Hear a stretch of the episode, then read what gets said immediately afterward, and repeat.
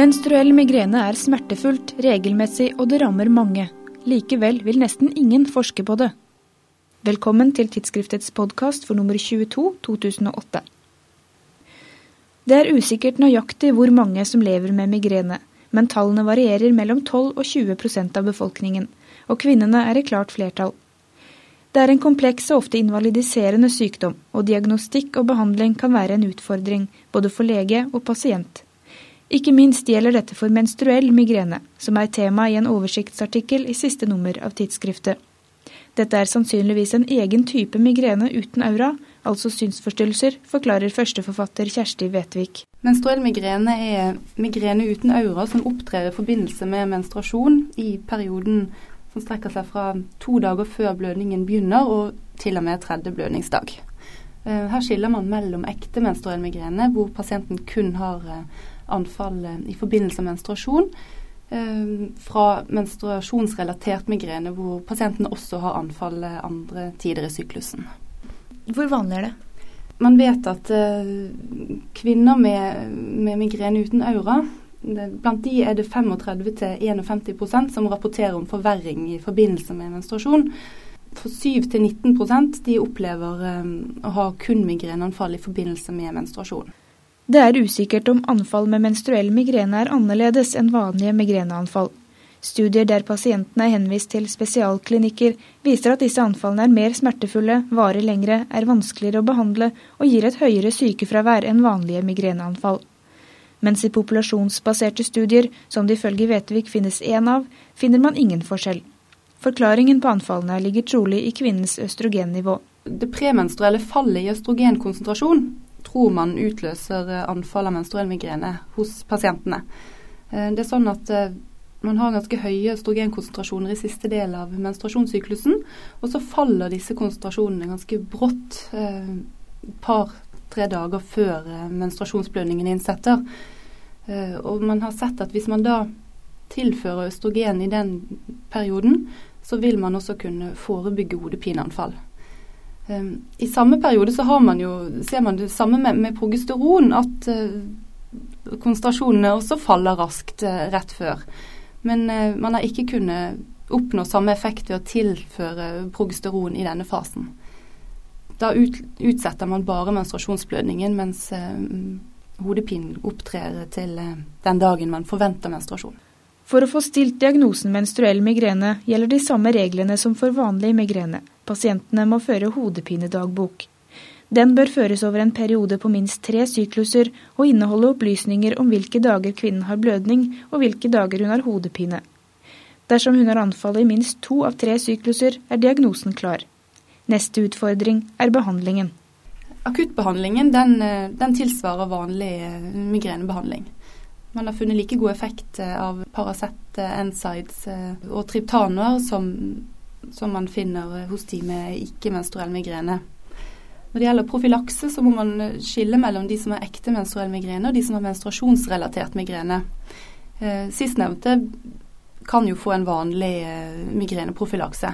Mens eh, disse som kun har eh, menstruell migrene i forbindelse med menstruasjon, eh, der kan man sette inn en egen profylakse kun gitt i denne perioden. Den profylaksen vil da enten være ikke-hormonell eller hormonell. Eh, det er gjort studier på ikke-hormonell profylakse med NSIDES, lavdose triptaner og eh, magnesium. Når det gjelder hormonbehandling, så er da målet med den å minimere disse fluktuasjonene i østrogenkonsentrasjonene i siste del av syklusen. Så da prøver man å tilføre østrogen. Det man har funnet, er at man har best resultat om man gjør dette med, i form av gel eller plaster, og at orale formuleringer ikke har noen god effekt pga. varierende plasmakonsentrasjoner. Og kvinner som, som tar p-piller, eh, kan også, hvis ikke det er kontraindikasjon for det, kutte ut den pillefrie perioden og ta kontinuerlig aktive piller gjennom tre til seks sykluser. Da vil de i hvert fall få færre menstruasjoner og forhåpentligvis eh, færre anfall med menstruell migrene. Hva er fordelene og ulempene ved hormonell og ikke-hormonell behandling? Eh, når det gjelder ikke-hormonell behandling, så er jo det mer medikamenter vi er vant til å bruke, i hvert fall vi nevrologer. Det er nok mindre skummelt å gi en pasient et NSIDES-preparat enn å gi en østrogenplaster eller, eller gel. Og når det gjelder hormonbehandling, så, så er jo som sagt studiene få, og det er få inkluderte pasienter. Eh, og ved en av de studiene så viste det jo at eh, når man eh, seponerte østrogen etter menstruasjonen, så, så fikk pasienten hodepine likevel. Sånn at vi vet nok ikke nok om varigheten og når man skal sette inn, nøyaktig på hvilke dager man skal sette inn hormonbehandling.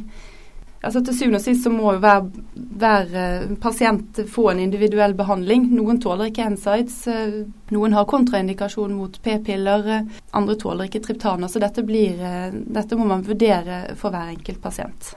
Men selv om de fleste leger kjenner til sammenhengen mellom migrene og menstruasjon, er det altfor få som anstrenger seg for å stille riktig diagnose og gi en slik individuell behandling. Det mener Lars Jakob Stovner, som er professor i nevrologi ved NTNU og leder for Nasjonalt kompetansesenter for hodepine ved St. Olavs hospital. I likhet med Vetvik mener han mangelen på forskning gjør det vanskelig å anbefale én behandling fremfor en annen. Det er umulig å svare på det, fordi det aldri er gjort noen sammenlignende studier mellom f.eks. hormonell eh, behandling og eh, lavdose triptaner, eller hormonell behandling og NSIDES. Når det gjelder en så vidt godartet sykdom som migrene, da, så, kan, så, har man jo muligheten for å forsøke flere ting og se hva som er best hos den enkelte. Så, så de, de, fleste vil nok kanskje forsøke med sånn profylakse med NSIDES først, altså før menstruasjonen. Eh, og dersom dette ikke lykkes, så, så kan man eventuelt prøve hormonell behandling. Stovner mener migreneforskning har dårlige kår både i Norge og internasjonalt. Som forskningsobjekt fremstår lidelsen rett og slett som lite sexy. Ehm, det er et generelt problem med hodepine at eh, forskningen egentlig er svak i forhold til eh, hvor mange det er som lider av hodepine og, og migrene, og ehm, særlig i forhold til eh, hvor kostbart det er for samfunnet. Og Det ser ut som migrene blir trivialisert på mange måter. Fordi det nesten alle har hodepine en gang iblant, og mange har også migrene en gang iblant, så tenker man at alle de andre har det på samme si, lette måte som, som en selv. Og så tenker man ikke på at det er en ganske høy prosent som virkelig er invalidisert av det. Det er et, faktisk et stort problem, og det har både si, spesialister og etter hvert pasientorganisasjoner eh, prøvd å gripe tak i. Også Kjersti Vetvik har grepet tak i dette på den måten at hun på nyåret starter opp en studie som bl.a. skal kartlegge forekomsten av menstruell migrene. Du kan lese lederartikkelen til Lars Jakob Stovner samt oversiktsartikkelen til Vetvik og Mikael Russell i tidsskriftet nummer 22. Vi høres igjen 4. desember.